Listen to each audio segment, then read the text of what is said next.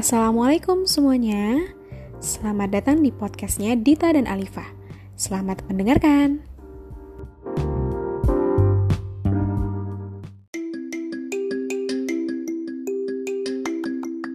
Selamat datang di podcast. Iya itu. Tali Talk. Tali Talk. Oke. Dita dan Alifa. Talking about.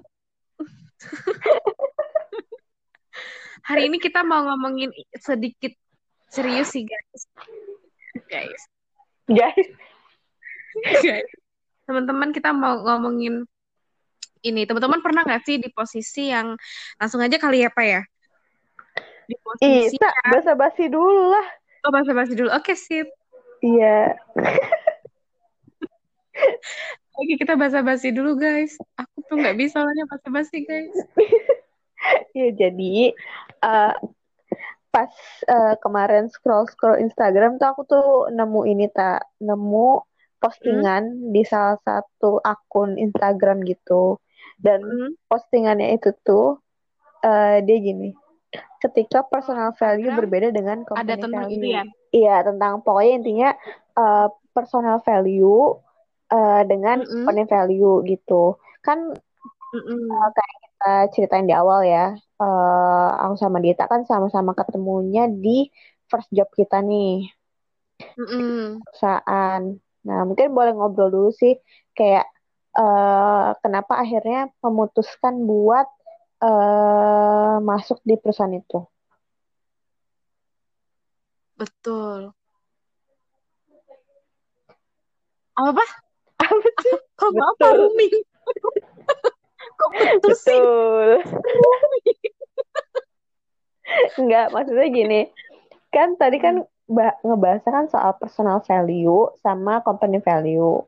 Nah, kalau Dita sendiri nih, eh, pas mutusin masuk di sebuah perusahaan, itu tuh ngecek company value dulu nggak sih, Tak? Ngecek, maksudnya ngecek, eh, kan biasanya ada tuh di company page-nya oke. value. Ah, ah, ah. gitu. Nah, Betul, betul. eh, Dita tuh eh, tipe yang mempertimbangkan nggak sih value ketika mau apply di sebuah perusahaan? S- eh, sebetulnya hmm, sangat mempertimbangkan dan dan dan yang paling penting itu sistemnya sih. Jadi kalau dilihat kalau eh, pada saat apply apply kerjaan ya pasti yang kita baca ya description dari ininya dulu, company-nya dulu, terus ini bergeraknya di bidang apa, terus keber kebermanfaatan dari bisnisnya ini apa, lebih ke kayak gitu sih Pak. Maksudnya, tapi juga yang relate sama passion, relate sama passion dan sama eh ini base background background pendidikan kali ya. Mm-mm. Jadi, mm-mm. kalau aku sendiri kan backgroundnya dulunya kalau di vokasi ya lebih ke, kes- eh, manajemen kesehatan kan. Nah, Mm-mm. jadi jadi memang eh, dan di S1-nya juga ambilnya kesehatan. Jadi memang cari-cari tempat yang bisa mengimplementasikan ilmu kesehatan itu, manajemen kesehatan itu ya ya di mana lagi kalau nggak di rumah sakit atau di kementerian seperti itu kan yang bergerak di bidang pembuatan kebijakan segala macam. Nah, dari sana sih awalnya dari sana dulu Pak, ngeliat dulu. Terus ngelihat lagi brandingnya. Habis dari sana ke brandingnya terus ke sistemnya. Nah, dulu eh dulu kenapa bisa nyemplung ke tempat yang sekarang ya, yang sampai sekarang ya? Heeh. ya memang awalnya ya kalau dari perusahaan yang bergerak bergerak di bidang jasa kesehatan, in the biggest company-nya tuh yang ini. Mm. Ya, mm, kita harus mengakuin bahwa yes, the biggest company hospital. Nah, cuman ketika em, itu tadi ketika eh, ya harus diakuin karena kurang riset juga pada saat awal-awal Mm-mm. ya ternyata pada saat sudah nyemplung ada beberapa sistem yang memang tidak sesuai dengan eh, yang kita pegang prinsip yang kita pegang tadi ya personal value tadi kan. Mm-mm. ada beberapa. Cuman menurutku balik lagi ya awal awalnya itu nggak nggak akan terima tuh pak. Awal awalnya akan reject ya. Dalam hati bakal reject. Kenapa sih gini? Kenapa sih gini? Gitu ya. Tapi lama-lama proses itu proses sampai ke awalnya denial kan. Denial oh kenapa sih seperti ini? Padahal uh, yang yang dipegang tuh gini mm -hmm. dipegang seperti ini nah okay. awalnya denial sampai kita acceptance sendiri jadi kayak oh ya udah artinya apa nih uh, ketika kita di persimpangan mau ke prinsip pribadi atau ke perusahaan, nah kita harus bersikap harus bersikap yang tegas sih, maksudnya yang yang bijak juga. Di sini tuh proses proses pendewasaannya juga sih, asik. Pas kalau kita nggak ketemu kasus, kita juga nggak akan belajar kan. Nah di sini juga maksudnya ketika di perusahaan ini yang memang setiap perusahaan punya plus minusnya. Nah, ketika kita punya minusnya, menurutku yang hal yang paling penting adalah gimana kita bersikap sama minusnya ini. Hmm, oke. Okay. Gimana nih? Mm -mm. Kalau kita cuman sekedar, oh ya udah, uh, kita jatuhnya kalau misalnya memang uh, kita belum acceptance, ya kita nggak akan pernah nggak akan pernah menjalani itu sepenuh hati gitu loh jadi balik lagi gimana cara kita menyikapin kekurangan dari perusahaan itu sendiri itu yang paling penting sih hmm, kalau okay. kalau dari Alipa gimana tapi ini menarik sih karena mm-hmm. uh, kalau dari aku sendiri juga emang uh, value itu penting ya maksudnya mm-hmm. ketika ketika apa di suatu tempat itu ini tips juga sih buat teman-teman uh, kalau aku kan bidangnya di bagian HR ya jadi mm-hmm. kayak sering banget ngewawancarain uh, teman-teman yang masuk uh, ke sebuah perusahaan itu uh, mm-hmm. kadang tuh mereka tuh nggak nggak tahu perusahaan yang mereka apa itu perusahaan kayak gimana ini lucu sih iya betul. Iya ini lucu. Karena uh, ya mungkin karena ini kali ya maksudnya uh, karena mereka desperate nyari kerjaan jadi kayak uh, tebar jala aja kayak gitu kan. Maksudnya nyangkutnya di mana kayak gitu. Tapi sebenarnya boleh sih tebar jala kayak gitu cuman nggak ada yang salah juga ya sebetulnya iya nggak ada ya. yang salah. Cuman ketika akhirnya jalannya nyangkut, nyangkut nih. Harusnya kan kita hmm. ya ini ya maksudnya riset lah Mas ini riset ya. riset ini perusahaan apa dan sebagainya kayak kayak gimana kayak gitu. Jadi uh, itu sih karena kadang uh, apa ya perusahaan itu pasti nyari orang yang punya value yang sama sama sama perusahaan kayak gitu. Dan itu kelihatan dari hasil wawancaranya kayak gitu maksudnya ini orang punya nilai value yang sama nggak ya sama kita kayak gitu karena uh, karena kan kita istilahnya tuh uh, value perusahaannya itu kan bergerak untuk uh, misi ya satu misi yang mm-hmm. sama gitu. Kalau misalnya orang yang nggak punya value yang sama, ya gimana mau menuju misi yang sama juga kan kayak gitu. Betul. Oh makanya kalau dari pengalaman aku sih, ya itu sih sebagai HR kadang emang banyak uh, teman-teman yang mereka tuh nggak nggak apa ya nggak riset dulu lah perusahaannya tuh kayak gimana dan sebagainya dan yang lebih lucunya lagi kadang bahkan mereka sendiri tuh nggak tahu personal value mereka itu apa Ih, nah ini, ini yang parah ini, ini, Ini, ini yang parah nih. Ini yang jadi kayak mereka nggak belum mengenali diri sendiri ya. Uh, iya, belum iya, ini jadi banyak orang uh, ketika wawancara kerja tak ya yang aku wawancarain mereka tuh mm -hmm. bingung. Mereka tuh kerja tuh buat apa tuh bingung? Oh. ini ini di, di kisaran umur berapa nih pak ya yang fresh grad sih yang rata-rata aku sering wawancara ya oh rata-rata fresh grad yang masih belum mengenali diri sendiri ya value-nya apa segala mm -mm. oh gitu mm -mm. karena terus ya ya mungkin uh, nggak nggak maksudnya kayak sebagian besar uh, fresh grad ketika mereka baru lulus eh, nggak uh, semuanya tuh langsung tahu mereka mau ke mana, mau apa dan sebagainya Ngapain? kayak gitu.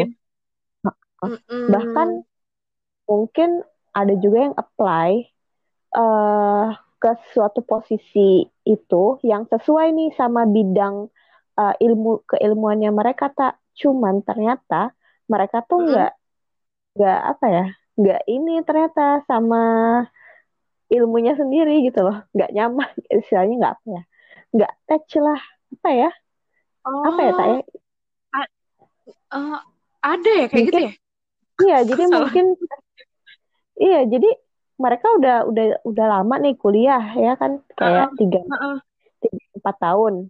Udah tuh uh -uh. udah lulus terutama buat teman-teman yang profesi gitu kan? Tapi pas di interview ya mereka kadang tuh kayak masih nggak yakin sama jalan yang mereka pilih itu loh tak hmm, demanding itu di tengah di prosesnya atau di pada saat proses ya pasti ya. Pas di tengah baru mereka menyadarin bahwa ini tuh bukan bukan apa yang mereka mau gitu. Uh, enggak bahkan bahkan pas diwawancara pun kadang mereka tuh ya kayak ya kayak saya kayak aku kan nanya oh gitu mm. kayak tahu perusahaan ini dari mana? Terus kayak kenapa mau apply di sini? Jawabannya mm. tuh macam-macam jawaban mm. itu kan pertanyaan paling gampang ya. Kenapa kamu mau apply tapi jawaban mereka itu macam-macam ada yang ya uh, disuruh orang tua gitu. Ada yang kayak uh, ya seriously? uh, eh, jawab iya. disuruh orang tua? What the iya. hell? Itu umur berapa? Lah itu aku bilang tadi rata-rata kan yang aku wawancara fresh grade fresh grade atau mereka udah udah ada pengalaman satu dua tahun lah kayak gitu. Atau mungkin alas pertimbangannya mungkin karena dekat rumah. Oh gitu. Oke kalau yang itu masih uh, bisa terima lah ya. Kayak dekat rumah atau mungkin ya disuruh orang tua apa ya bukan disuruh orang tua sih kayak ya orang tua uh, menyarankan kayak gitu. Terus oh gitu. uh, terus kayak uh, apa lagi ya kayak alasannya tuh apa ya? Ini Tapi yang... sebetulnya apa? Kalau uh kalau ada yang jawab seperti itu, maksudnya mereka berarti uh, mm, kayak tadi kan jawabannya disuruh orang tua nih. Kalau dari sisi HR-nya sendiri terima nggak sih dengan jawaban kayak gitu? Ya nggak jadi masalah sih sebenarnya, karena kan justru kita pengen tahu dia tuh mm -hmm. kenapa apply sini kayak gitu, mm -hmm. kayak mm -hmm. alasannya tuh apa kayak gitu ya kan kita kan perlu tahu kan latar belakangnya dan sebagainya. Misalnya dia jawab kayak gitu disuruh orang tua, kenapa? Iya karena orang tua tuh misalnya pernah pernah datang ke sini, terus ternyata uh, pelayanannya bagus dan sebagainya. Ini dalam konteks uh, waktu uh, aku jadi HR-nya di bid, apa di bidang jasa kesehatan yang dulu ya kak ya. Pertama ya, yang pertama ya. Oke. Okay. Ya, jadi kayak uh, ini tuh kayak apa? Kayak uh, jadi kita kan tahu uh, apa dia tuh orangnya kayak gimana, terus kayak uh, prioritas utama dalam hidup dia tuh apa. Terus juga kayak kita tuh jadi tahu uh, dia mandang pekerjaannya itu seperti apa. Karena kalau di bidang jasa kesehatan kan pasti empati ya yang paling utama ya. Betul. Iya, makanya kayak mm, kita pengen kayak pengen lihat juga empati dia kayak gimana, terus uh, cara dia buat uh, mengambil keputusan itu kayak gimana. Karena itu kan penting ya. Maksudnya banyak lah aspek-aspek yang dinilai kayak gitu dan juga mm -hmm. pastinya uh, apa kalau rekrutmen itu kita nyari kandidat yang uh, pastinya sesuai sama budayanya perusahaan kayak gitu. Betul. Jadi misalnya nih budaya perusahaan ada lima lah kayak gitu, atau ada enam, ya paling enggak dia setengahnya lah kayak gitu dari budaya perusahaan yang ada kayak gitu. Atau mungkin dia harus punya uh, dua uh, dua value utama yang wajib dimiliki sama perusahaan kayak gitu. Jadi misalnya pun ketika misalnya nih kita udah diterima nih masuk uh, di perusahaan itu terus ternyata kita ngerasa nggak cocok kayak gitu ya itu mungkin karena dari uh, 10 budaya perusahaan itu kita cuman yang cocok sama kita itu cuman uh, lima atau cuman enam lah ternyata dan empat sisanya itu nggak cocok kayak gitu. Nah, mm-hmm.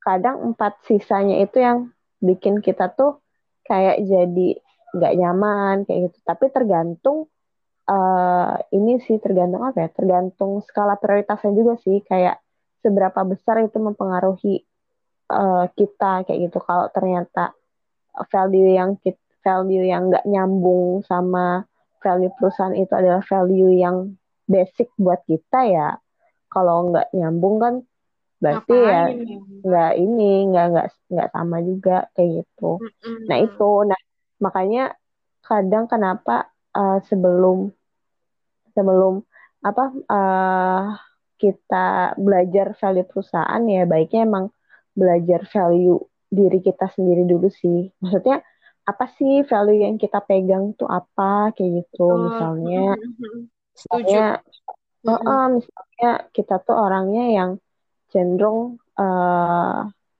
apa ya uh, misalnya uh, beragamanya kuat nih. Ini contoh ya. Karena mm-hmm. uh, realnya karena kan uh, kalau di jasa kesehatan itu kan ada di beberapa unit yang mereka itu harus uh, pakai bajunya itu tuh tangan pendek kayak gitu kan. Oh ya yeah. uh, dan ada juga yang menolak kayak gitu. Betul. kayak oh kayak gitu. Padahal ya bagian dari prosedur ya istilahnya kayak gitu. ya standar dari ya, perusahaan ya mm-hmm. uh, prosedurnya kayak gitulah jadi kayak emang paham, paham. emang apa ya uh, emang penting sih jadi kita harus tahu kita tuh kayak jangan sampai nanti karena kita butuh kerjaan terus kita iya iyain aja uh, uh, mengesampingkan personal value tadi uh, uh, terus ternyata pas hmm. kita udah masuk di pekerjaan itu udah masuk di perusahaan itu ternyata kita ngerasa nggak nyaman kayak gitu itu sih benar, tapi kalau dari kalau dari pengalaman aku sendiri sebagai HR ya itu sih yang aku mm -hmm. lihat. Uh, banyak yang bahkan jangankan uh, value perusahaan value diri mereka sendiri aja tuh mereka kadang nggak tahu kayak gitu. Nah benar, itu yang yang yang bahaya sih. Karena bahaya. kadang pertanyaannya tuh gampang tak aku tuh cuma hmm. nanya nih cuma nanya gini uh, perkenalkan diri anda.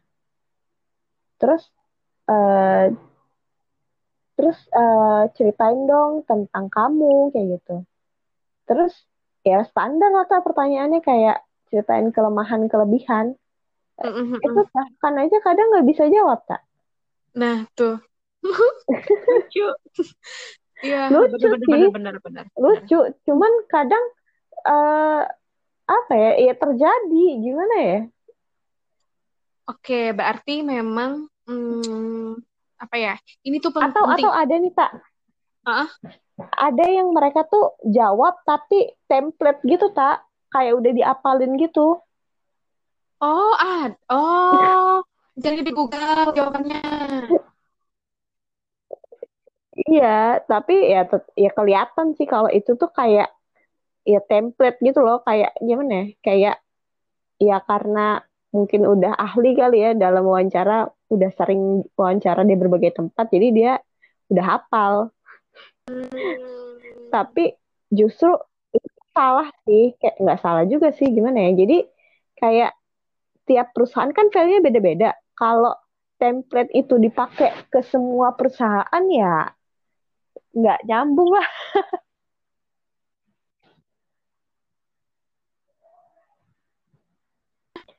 gitu sih. Harus kita paling penting ya. Kita harus tahu dulu value kita tuh di mana uh -uh. apa gitu loh. Makanya pada kuliah uh -uh. harusnya itu waktu yang baik untuk mengekspor diri ya nggak sih pak jadi kayak uh, pada uh, kuliah ya kita benar-benar mengenali diri kita kita tuh passionnya gimana nih kita lebih sukanya apa terus apa yang kita nggak suka apa yang menjadi kelemahan kita yang bisa kita kelola untuk menjadi kelebihan kita. Mungkin yang kayak gitu sudah sudah selesai di mas di bangku kuliah menurutku ya. Jadi ketika kita mau baiknya sih gitu. Ya, ketika idealnya begitu ya. Jadi ketika kita mm -hmm. melangkah ke uh, dunia kerja ya kita sudah siap. Kita sudah sudah tahu diri kita mau ke mana value kita ke mana searah nggak sama perusahaan. Mm -hmm. nah, itu lebih lebih oke okay ya. Itu salah satu iya. yeah. hmm, salah satu yang bisa membawa kita mau goncangan seperti apa di kantor. Kalau kita memang punya pegangan prinsip nggak bakalan terombang ambing sih menurutku kayak gitu. Ya nggak sih jadi nggak nggak iya. takut mau keadaan perusahaan kayak gimana kalau kita punya prinsip ya monggo aja gitu. Mm -mm, betul betul betul. Karena kadang tuh bahkan ada juga yang uh, akhirnya tuh menemukan dirinya nggak pada profesi yang sejak yang selinier sama latar belakang betul. pendidikannya kak. Betul betul. Ini juga sih. Mm -mm. Iya karena balik lagi ke ini kita masing-masing sih kayak kalau misalnya emang kita uh, cocok kerja di perusahaan ya silakan tapi kalau ternyata kita ternyata lebih cocok kerja di uh, entrepreneur atau buka usaha sendiri ya silakan kayak iya. gitu nggak ada benar ya itu kan balik lagi ke ininya kita keinginan kita juga kayak mm. ya kalau misal maksudnya ketika kita memutuskan buat kerja di perusahaan atau organisasi ya mau nggak mau kan kita ngikutin aturan di situ ya. Mm. dan kita menyesuaikan sama budaya di situ. Mm dan kalau kita ngerasa nggak cocok atau ngerasa ya nggak kuat dan sebagainya ya mungkin bisa cari perusahaan lain yang lebih cocok sama kita atau mungkin ya kita bikin usaha sendiri aja kayak gitu kan. Iya. setuju nggak nggak harus harus memaksakan buat tetap stay di uh, tempat itu dan akhirnya jadi toxic juga Benar. buat kita. Jadinya tuh malah jadinya tuh kerjanya tuh kayak kosong gitu. Pernah nggak sih tak nger ngerasain kerja yang kosong? Kayak datang kerja pulang, pulang terus gajian. gitu. Iya gitu doang. Kayak nggak ada faedahnya gitu loh. Betul. kerja tuh kayak kayak ini aku kerja oh, buat apa sih? Kayak gitu. Itu sih baik lagi kayak kalau kita nggak tahu kita kerja buat apa gitu. Iya betul betul betul. Setuju.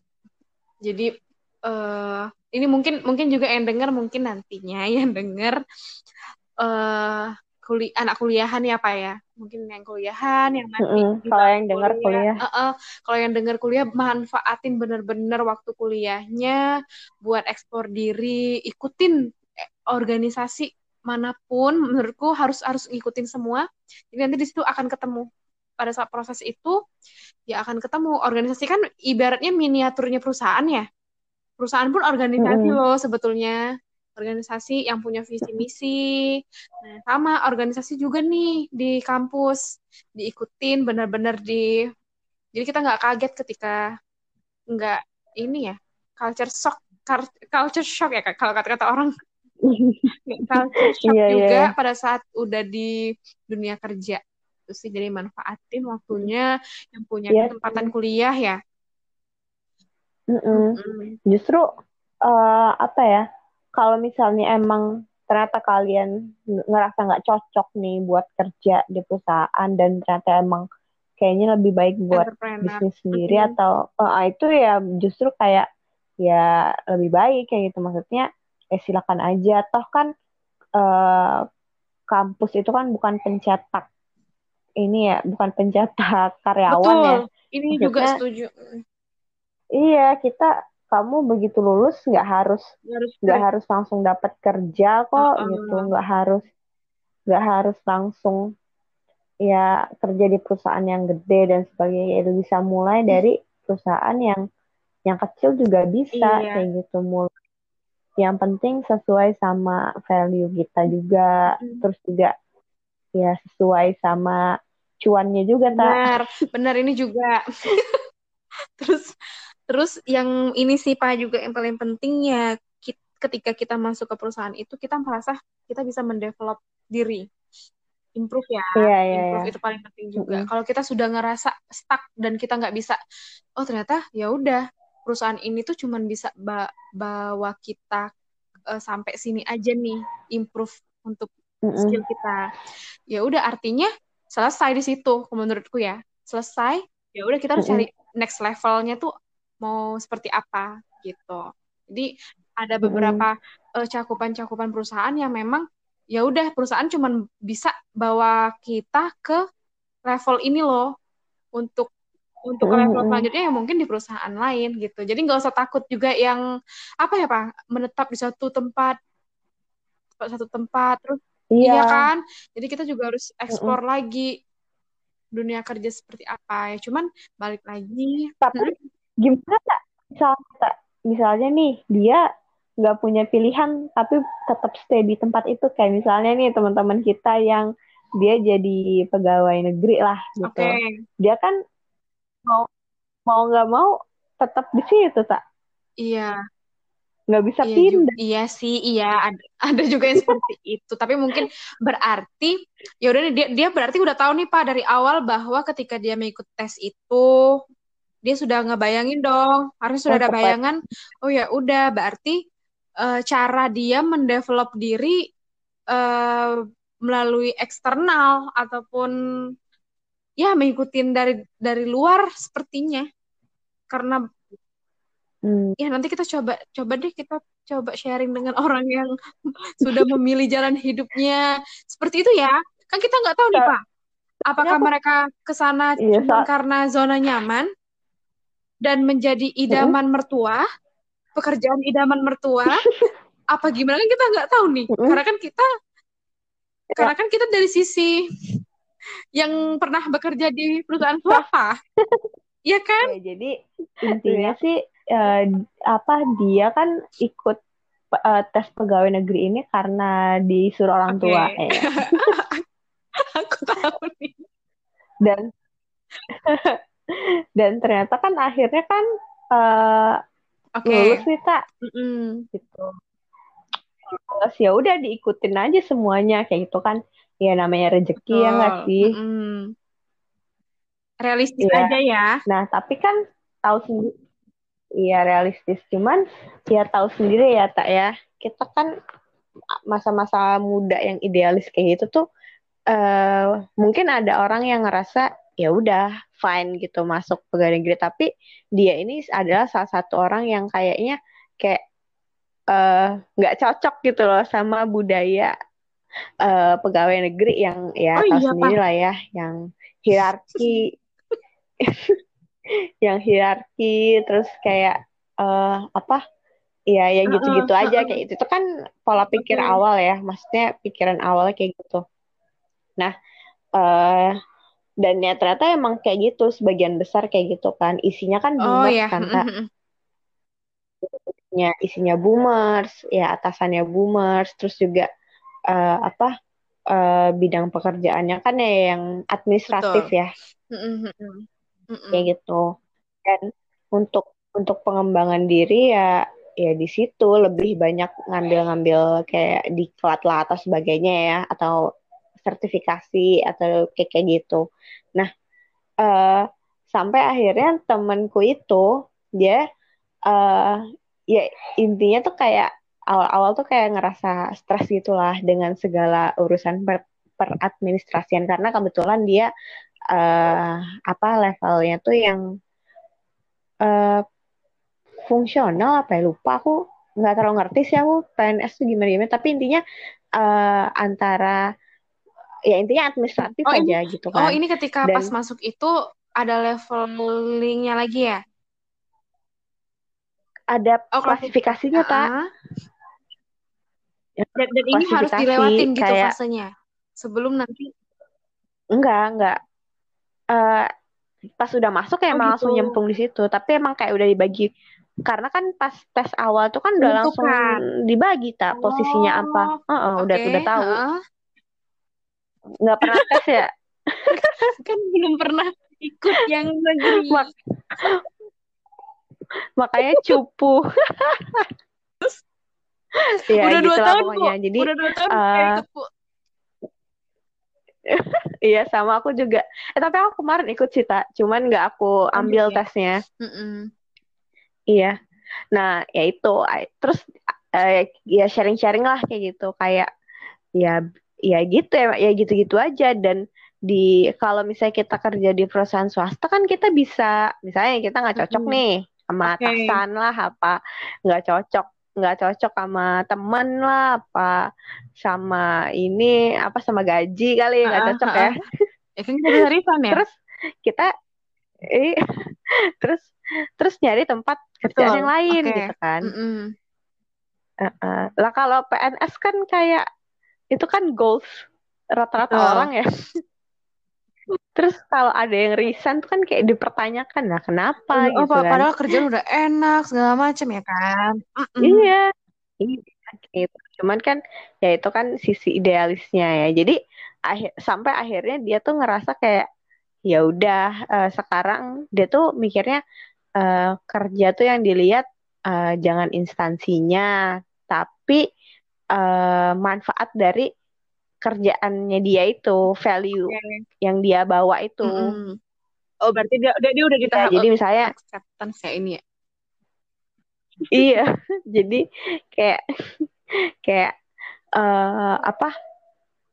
Kayak intinya tuh dia eh, ini sih kayak ya pernah sharing juga kayak ada satu quote sih aku lupa, tapi yang pasti sih quote-nya tuh kayak ya kerjaan itu nggak dilihat dari eh, apa titelnya apa atau dari perusahaannya di mana Mm-mm. kayak gitu organisasinya apa kayak gitu. Tapi dari eh, kebermanfaatan eh, kerjaan itu sendiri dan dari eh, apa ya value atau meaning yang kita jalanin kayak gitu. Setuju sih bener-bener. Jadi di mana pun di mana pun di mana pun kamu kerja di mana pun kamu ditempatin kerjaannya dan ya kerjaan apa pun tapi kalau misalnya kamu ngerasa ya kamu bermanfaat di kerjaan itu dan kamu juga apa eh, punya value yang eh, yang sama lah kayak gitu ya buat buat banyak orang kayak gitu ya pasti kayak akan menerima gitu. Iya itu bener sih sih. bener bener bener gitu. Uh, uh, jadi jadi intinya eh jangan lihat ini kalau kalau kalau case-nya sudah kecemplung ya.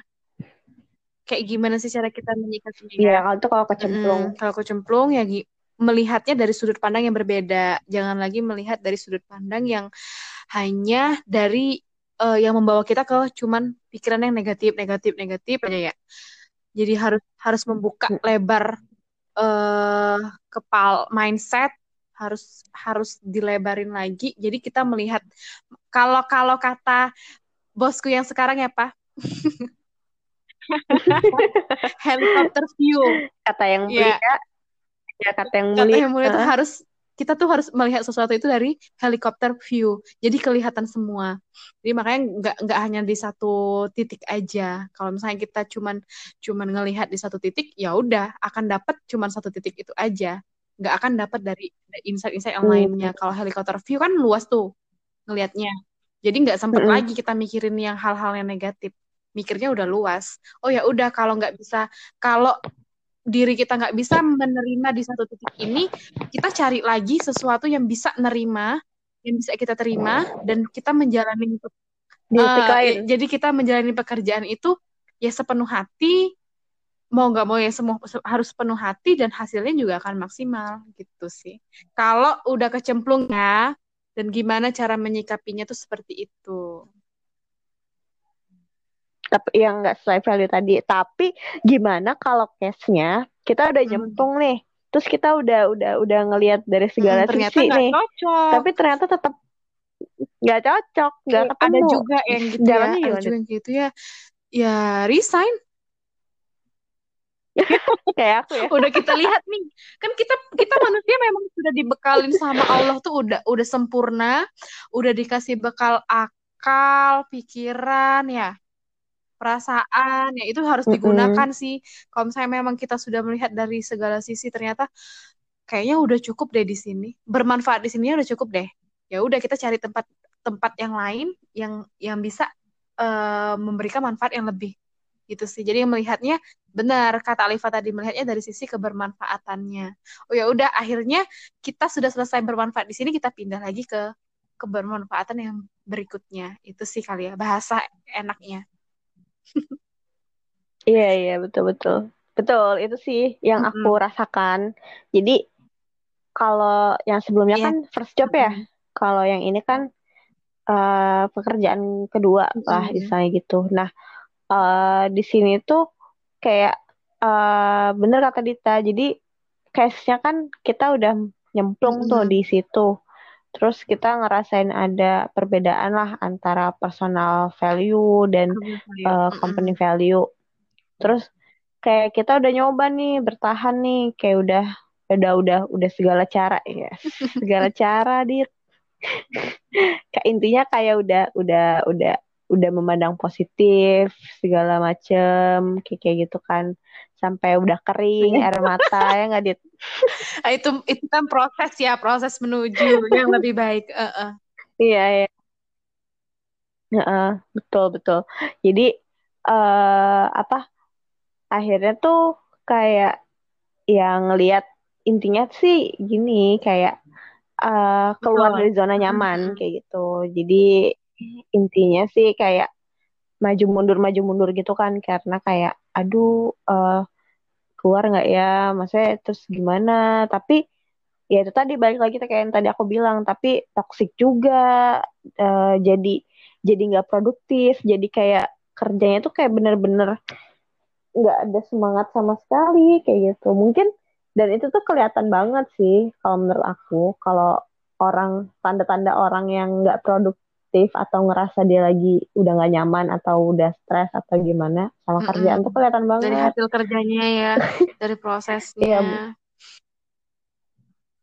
hasil kerja terus habis itu uh, penampilan dia ke tempat Betul. kerja. Terus uh, intinya tuh kayak datang pagi tuh udah udah lecek udah kusem gitu loh. Kayak intinya tuh nggak semangat kayak sering telat dan sebagainya. Kayak gitu tuh itu ini sih tanda-tanda. salah satu mm. tanda-tanda juga sih. Yeah. gitu. Uh, terus ya mungkin aku bisa ngomong kayak gini karena pernah pernah ngalamin juga sih. Jadi kayak ya udah akhirnya ngerasa kayaknya nggak bisa dipertahankan hubungan kali ya. Jadi karena kalau menurut aku nyari kerja tuh sama iya kayak nyari jodoh di betul cocok cocokan cocok cocokan hmm. tuh kayak ternyata kita nggak berjodoh nih sama perusahaan yang ini. Oh ya udah kita cari uh, jodohnya di tempat lain deh kayak gitu. Nah terus kayak akhirnya berbekal pengalaman di tempat kerja sebelumnya jadi kayak lebih selektif gitu mm -hmm. milih kerjaan. Kayak ya intinya jangan jangan sampai mengulang kesalahan yang hmm. sama lah kayak gitu kayak lebih hati-hati terus kayak lebih uh, detail lagi uh, ngelihat value perusahaannya tuh apa terus kalau bisa tuh cek juga kan akun-akun uh, sosmed hmm. perusahaannya jadi kayak uh, uh, saya kan itu kelihatan ya. tuh apa testimoni uh, uh, testimoni karyawan terus juga kayak branding perusahaannya kayak gimana. Situ kan kayak kita ngerasa oh ya ya mungkin aku cocok atau oh mungkin aku enggak. Ya mungkin ada yang cocok kerjaan uh, administratif yang uh, struktur organisasinya uh, apa uh, jelas lengkap terus kayak hierarki kayak kayak gitu. Tapi ya, mungkin ada juga yang lebih nyaman kerja uh, model-modelan startup gitu loh yang yeah yang open kayak gitu yang nggak terlalu kaku. Nggak misalnya tuh nggak formal. Nggak kaku. Kayak gitu kan ada. Ya intinya balik lagi ya itu tadi ke personal value sih. Lebih nyamannya yang kayak gimana kayak gitu. Balik lagi ke situ sih. Jadi kayak uh, ya pada akhirnya sih ya benar. hidup benar tuh pilihan sih. ya. Makanya makanya tadi pentingnya personal value ya kita biar kita bisa uh, membuat keputusan dalam hidup ya nggak sih pak? Kalau kita aja nggak nggak kenal dengan diri kita Iya. nggak kan nggak tahu personal value kita gimana kita menyikapin hal-hal yang seperti ini ya demanding seperti ini kan? Mau ngambil keputusan. Iya gimana mau ngambil keputusan kayak gitu yang sesuai sama itu personal value. Karena ya itu tadi balik lagi itu tadi sih kayak eh hidup ini kan Benar, kita yang jalanin ya. Maksudnya tanggung jawabnya tuh balik lagi ke kita. Orang tua tuh nggak udah nggak Ya, tanggung jawab sama ini kehidupan harus kita harus gitu ditekankan sama gitu. or-or eh, eh, teman-teman yang seumuran kita ya bahwa kita harus berani ngambil keputusan sendiri. Hmm. Mm-mm. Jadi ya sebenarnya mempertimbangkan sangat uh, perlu aspek-aspek lain sih perlu sih kayak mempertimbangkan. Uh, mungkin mempertimbangkan oh ker- cari kerja yang dekat sama orang tua biar itu nggak ada yang ngurusin orang tua atau mungkin itu nggak jadi masalah. Ya balik lagi berarti kan prioritas utama betul. kita kan keluarga. Mm-mm. kayak gitu kan. Kalau kita yang pertama adalah keluarga. Jadi eh, dalam memutuskan itu kita eh, yang paling utama adalah keluarga dulu nih yang kita pikirin kayak gitu. Cuman mungkin kalau ada yang personal value-nya pengen mengembangkan diri di tempat yang lebih eh, baik ya berarti kan kita nyari eh, apa eh, perusahaan yang mungkin eh, dia lebih berkembang, betul lebih besar kayak gitu. Mungkin perusahaan ya mungkin perusahaan kayak eh, semacam BUMN atau mungkin perusahaan Gede. swasta Mm-mm. yang gede lah kayak kayak gitu. Eh, intinya kayak gitu sih. Balik lagi ya itu tadi makanya balik lagi ke personal value kita atau mungkin eh, mau cari eh ini mau cari cuan dit berarti cari carinya ya ke perusahaan yang lebih gede juga yang kayak udah gitu kuat Mm-mm. jangan iya jangan cari perusahaan yang UMR daerahnya kecil berarti kan nyari Iya, makanya tadi gede benar balik lagi ke riset. Sebelum cari kerja, iya rajin-rajin deh lebih riset. Itu sih, rajin-rajin baca. Hmm. Tapi menarik sih ini, Pak. Ini ini iya menarik sih. Personal ya jadi ya, value itu- itu sangat menarik sih. Yang yang ternyata nggak Mm-mm. banyak nggak banyak orang tahu personal value itu ya harus harus kita tahu sedini mungkin ya kalau perlu. Jadi mungkin mm-mm, mungkin jadi pel- pelajaran kita Pak. Jadi nanti kita keluar punya anak ya kita benar-benar harus ngedidik anak kita ada eh, value-value di keluarga yang harus di harus dipegang dan itu yang harus mereka bawa yang jadi bekal mereka untuk Mm-mm. untuk ke kehidupan selanjutnya yang kita udah nggak bisa pegang mereka lagi gitu loh. Tapi value-nya yang yang, yang dibawa sama mereka. Iya nggak sih? Iya. Heeh. iya iya betul betul banget. Tuh ya itu dah jadi mumpung Betul. lagi bulan Ramadan terus juga lagi pada WFH juga Yes. kan. Pasti banyak waktu luang lah di rumah daripada bengong. Mungkin eh, benar baiknya benar sih kayak introspeksi diri ya. Atau mungkin Mm-mm. ya muhasabah diri Mm-mm. lah kayak gitu.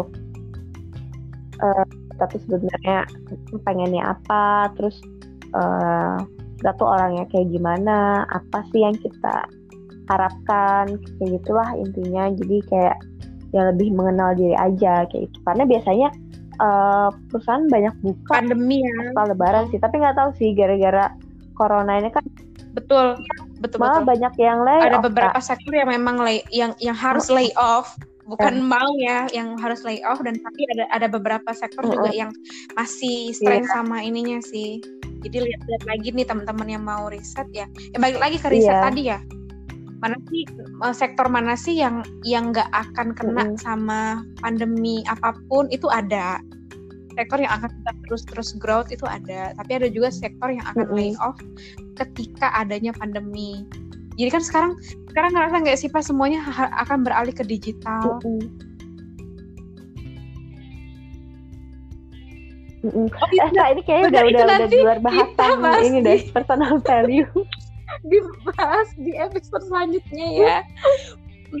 Oke, ini Iya, ini berarti ini Iya. spoiler spoiler betul, untuk betul next itu penting. Kita harus bahas tentang digital. digital. Karena nantinya yang akan pegang era digital itu kita pak. Ya, ah, yang akan ngebawa itu nanti. Itu nanti deh tiga menit lagi Iya. ini mau ini pak. Tiga menit lagi akan ini. Yaudah kita close dulu. Semoga bermanfaat. Oke deh, Mm-mm. bermanfaat. Makasih udah mau dengerin uh, Red Talk ini dengan Oke. tema personal value itu tadi. Mudah-mudahan sih betul. ya bisa bermanfaat sih buat teman-teman yang dengerin. Kalau misalnya kalau misalnya ada yang mau ditanyain mungkin Direct message kita boleh ya di komen Instagram. komen atau Boleh, langsung up boleh banget. iya Uh, boleh boleh banget Oke, kalau ada yang mau tanyain dulu ya. Oke. Iya, terima kasih. Assalamualaikum Iya, warahmatullahi wabarakatuh.